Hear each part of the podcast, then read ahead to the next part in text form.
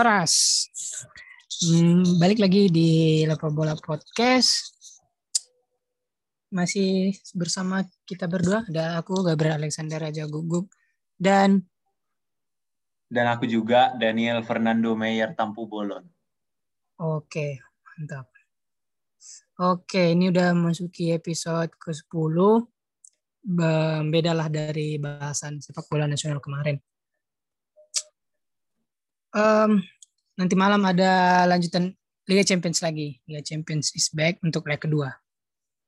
Mungkin tipis-tipis dulu um, bahas Juventus Porto lah dulu gini.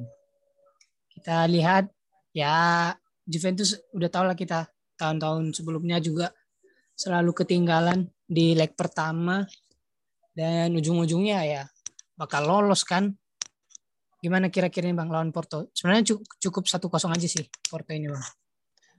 Oke Gap, kalau terkait narasimu tadi kan uh, biasanya Juve kalah di uh, leg pertama dan pada akhirnya menang di leg kedua.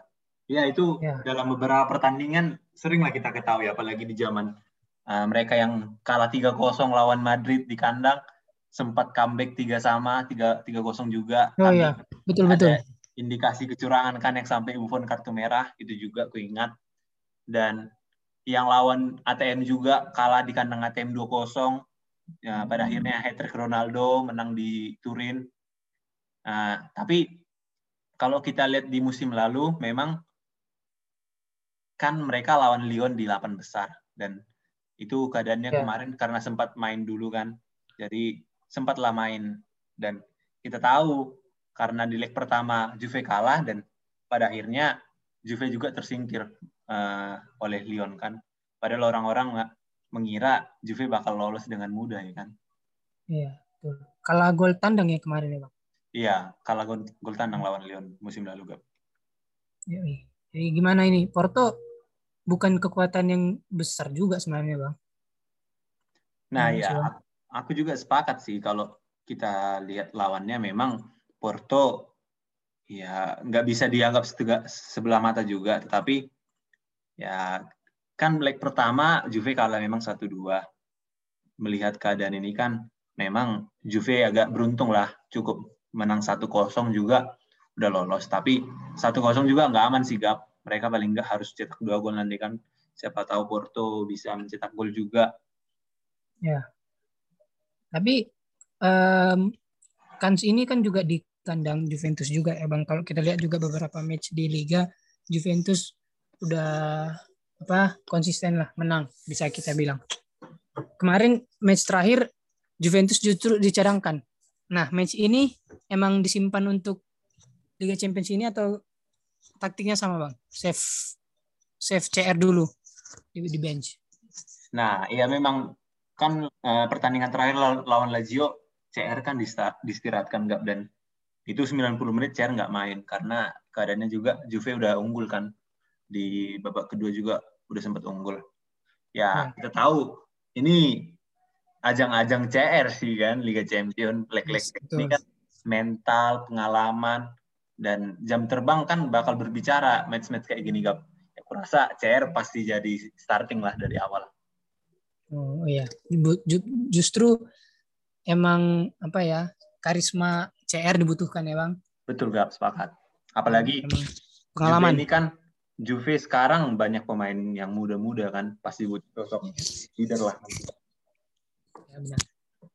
Tetap Juventus lah ya yang lolos bang.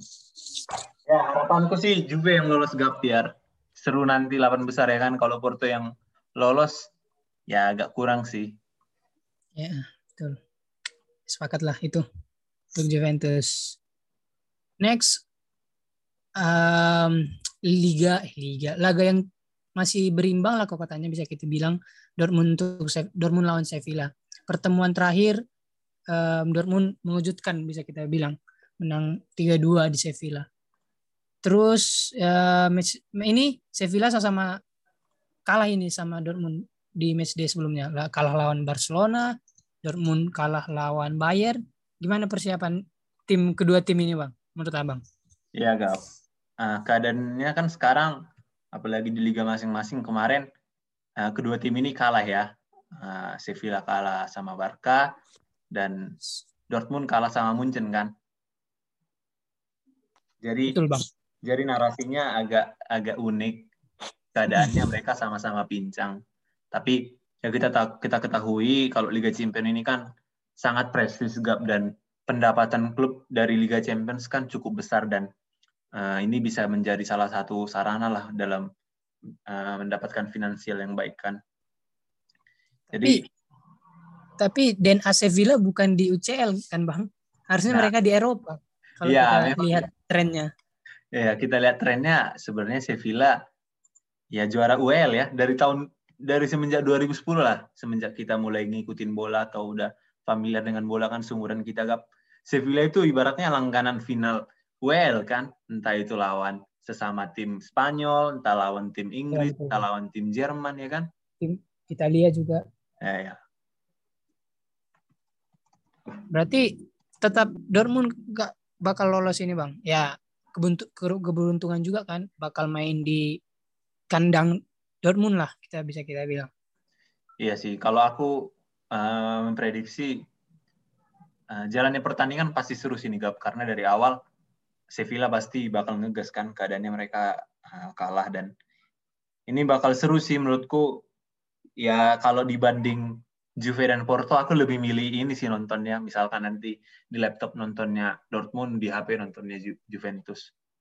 Ya, kayak di leg pertama juga justru yang laga ini yang paling seru ya bang? Iya bener gak apalagi di leg pertama itu kan ya tim sebelah atau pertandingan sebelah gol-gol cepat kan Porto di awal satu ya. menit babak pertama di satu menit babak kedua dan setelah itu ya. udah udah slow slow slow aja sedangkan Dortmund Sevilla ini seru karena berimbang itu dan jual beli serangan gap dan prediksi yeah, prediksiku nanti juga sepertinya kedua tim ini juga bakal uh, jual beli jual beli serangan sih.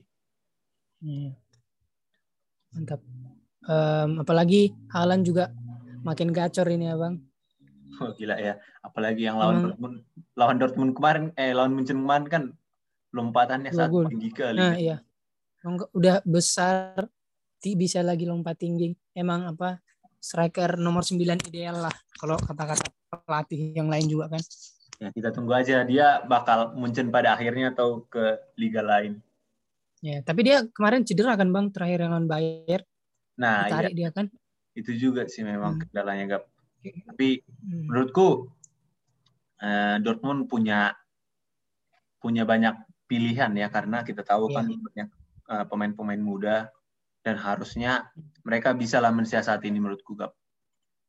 Yes, betul. Oke. Berarti Abang Dortmund, milih Dortmund ya? Yoi, aku langsung yang lolos ya. Kalau menurutku lolos Dortmund. Ya. Oke, mantap.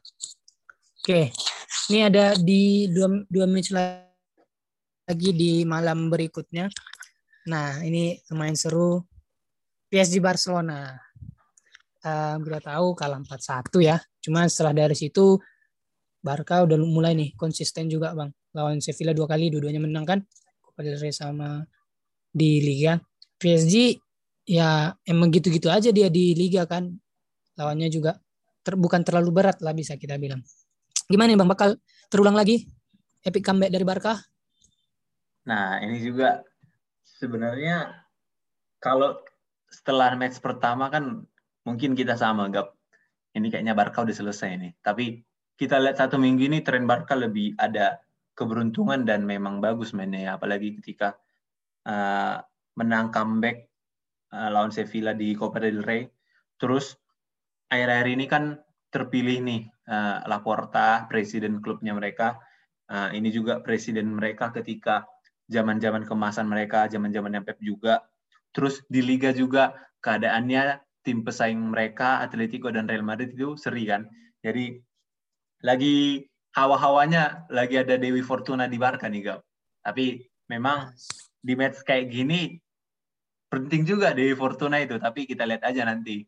Menurutku secara rasional menurutku ya PSG bakal tetap lolos. Tapi nggak tahu kita jalannya pertandingan karena terkadang Barca ini memang bikin hal-hal yang ya tidak terduga kan.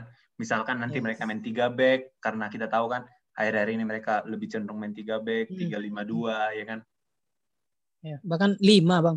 Nggak, eh, apa fullbacknya itu kadang di depan, kadang di belakang ya posisinya.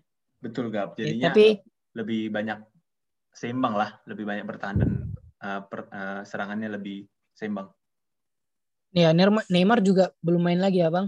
Nah ya, beruntungnya juga Neymar nggak main lagi. Jadi, tapi itu juga bisa menjadi keuntungan bagi PSG itu sendiri sih, nggak bisa menjadi kelemahan dan keuntungan. Karena menurutku waktu di leg pertama kehadiran tanpa kehadiran Neymar, PSG bakal uh, so-so ya. Tapi ternyata ya kita tahu masih ada Mbappe. Ternyata Mbappe kehilangan Neymar, Mbappe yang bakal yang menjadi bersinar. bersinar. kan. Betul. Ya masih ada Mbappe lah ya. Walaupun di belakang bukan nama yang tenar juga, nama yang bintang juga kan. Kita lihat PSG ya mungkin Keylor Navas lah tiga kali UCL sama Madrid. Back-backnya juga sebenarnya bias em, bukan bintang kan bang. Betul. Gap. Ya, Mungkin dari, ini dari sisi pertahanan memang ya nggak terlalu semewah musim lalu ya. Tapi kita ketahui memang sekarang lebih solid menurutku memang Gap karena kehadiran Marquinhos dia menjadi leader sekarang ya kan. Dia bisa menjadi gelandang bertahan, bisa menjadi uh, nomor dua atau nomor empat di lini pertahanan. Tapi memang yang aku agak riskan melihat pertandingan atau cara bermainnya itu Kim Pembe Gap. Kim Pembe terkadang dia ya kan Apa, Bang? blunder segala macam yang nggak penting terus tackle tackle-nya juga agak agak kasar ya kan takutku dia sih yang menjadi bulan-bulanan striker Barca nanti Gap. ya, Bright White ya. ya kalau nggak Brightway Messi Brightway Bright White diperlukan memang kalau sekali diperlukan langsung ger dia langsung cetak gol kan untuk kemenangan Sevilla kemarin. betul Oke, tapi ini tergantung ya kalau kita tahu Barca nggak nggak pernah kita dengar cuma sampai se stage ini ya. Bisa kita 16 bilang bakal melaju. Nah, kebiasaan Barca juga ya atau keajaiban PSG yang terulang untuk musim lalu sampai final. Kita tunggu aja match untuk besoknya hari Kamis. Tapi abang masih megang PSG ya dengan selisih tiga gol. Iya Gap Eh, menurutku masa lalu yang menyakitkan bagi PSG itu jadi motivasi juga sih jangan sampai terulang lagi Oh, iya, iya. Apalagi ini juga di kandang PSG sebenarnya ya bang. iya apalagi kalau comeback di kandang sendiri itu lebih malu lagi kan Ya, lebih malu lagi. Walaupun nggak ada penonton, tapi tetap malunya. iya betul sejarahnya nanti juga bakal terulang Oke. Gak sabar juga ini. Tapi untuk be- kebesokan harinya. Laga lainnya ada ini Liverpool lawan Leipzig. Ehm, ya Liverpool lagi pincang-pincangnya, lagi jelek-jeleknya memang kembali ke setelan 30 tahun lalu ya bang. Kalau kata-kata orang, ya gimana kira-kira bang? Sama sebenarnya kandang tapi ya mainnya di Budapest berarti keuntungan lah kan Liverpool main di Anfield lagi susah ini. Nah, iya. Narasinya juga kan sekarang Liverpool, ya kalau kita lihat dari statistiknya, 8 pertandingan terakhir 7 kali kalah dan 4 pertandingan atau 5 pertandingan di Anfield kalah kan. Ya, itu juga kalahnya sebenarnya nggak lawan tim-tim besar juga. Tetapi melihat keadaannya sekarang memang hitungannya main eh, hitungannya kandang Liverpool tapi karena musim eh, waktu leg pertama juga main di Puskas Arena, sekarang juga main di Puskas Arena kan di Budapest juga. Ya ini menurutku ya ini pertaruhan nyawa Liverpool itu sih Gap. Gimana mereka juga di liga kemungkinan besar ya sulit lah untuk mencapai empat besar dan ya tapi tetap aja sih masih ada peluangnya.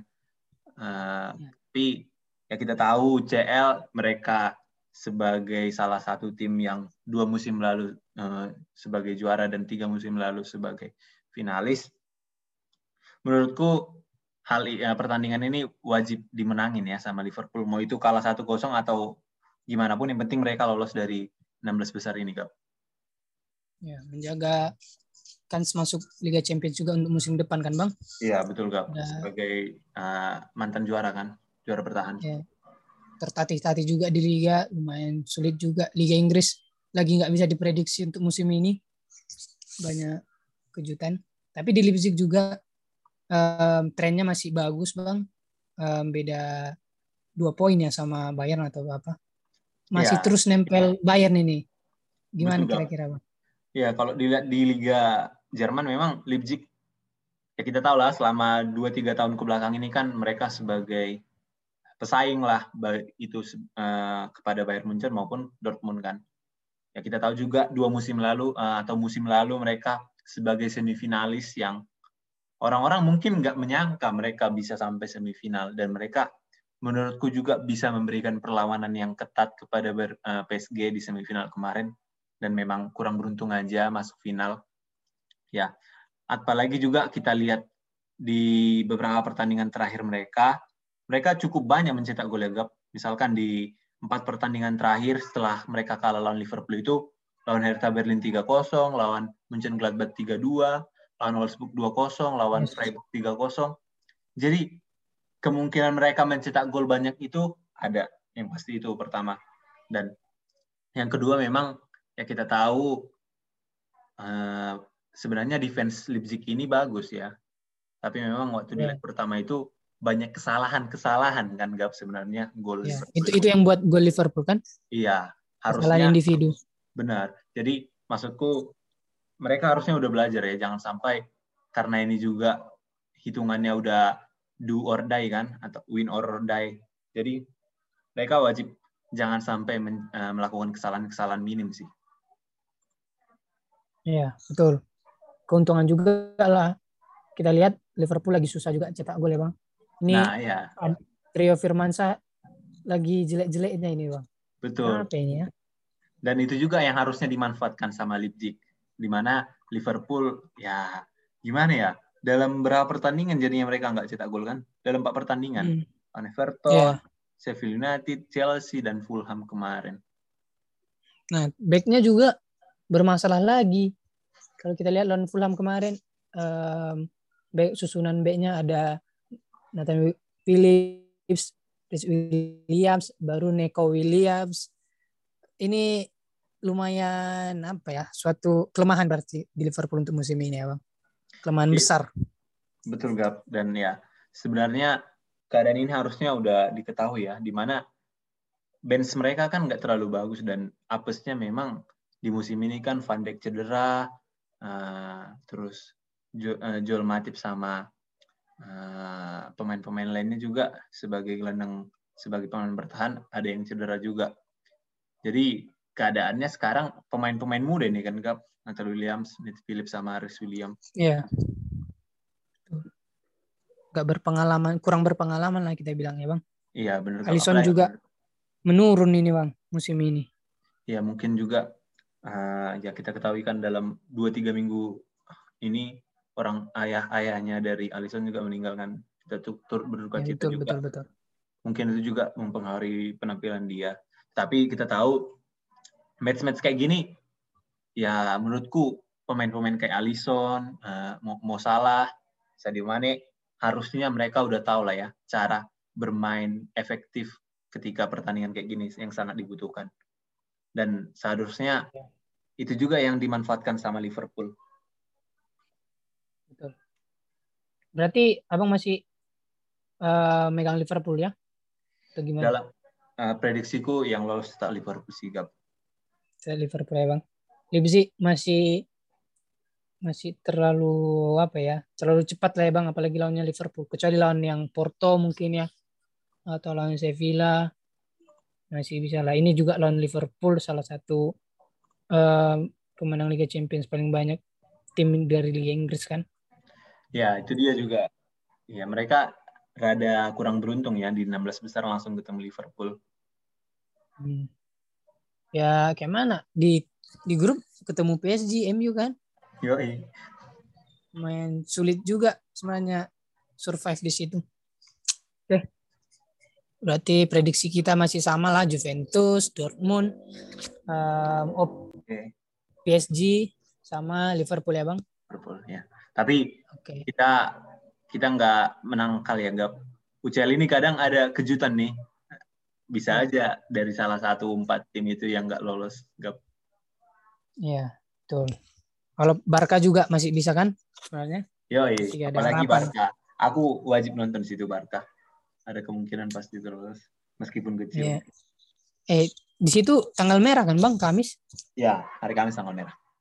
Harusnya nggak ada perkuliahan ya? Kami libur, iya Gap. Udah Oh, libur, libur. iya. Ada ada kok itunya. SK Rektor. Oh, mantap-mantap. Berarti bakal begadang day lah. Kira-kira PSG Barca ini. Eh, kalau nggak begadang deh, silakan tidur dulu teman-teman. Main jam 3 pagi soalnya. Yoi. Oke, disimpan dulu tenaganya. Yoi. Nonton Apalagi fans. Barca ya kan. Jangan jangan sampai nanti udah begadang, kalah, menangis ya kan. Hmm. Diejek-ejek lagi kan. Ya, apalagi itu dia, diejek-ejek. Nah, apa, ada banyak nanti meme lagi, meme baru. Betul. Kita lihatlah di di match untuk hari Kamis. Itu dia. Sip. Oke, gimana? Ada tambahan lagi dari Abang? Ya itulah paling karena ini udah leg kedua dan ini inilah sebenarnya yang paling seru di UCL leg kedua ini karena di Ya. ditentukan mental uh, kemampuan sebuah tim itu layak juara atau enggak pastinya ini match yang menurutku harusnya dinonton bagi penikmat sepak bola Gap. Oke, mantap. Penutup yang ciamik, kalau kata orang. Oke, em, segitu dulu untuk podcast episode ke-10 ini di season kedua kami. Em, tunggu aja untuk podcast-podcast kami selanjutnya. Em, semampu kami nanti kami bisa bahas bahas-bahas yang lain ya bang. Yoi, apalagi Piala Menpora sudah mendekat tingkat. Mm, lumayan menarik juga dari dalam negeri. Em, segitu dulu, cukup dulu buat podcast kita kali ini. Eh, jangan lupa terus follow akun media sosial kami, dengarkan podcast kami ini di Spotify atau di akun streaming lainnya. Em, segitu dulu, kita tutup. Horas. Horas.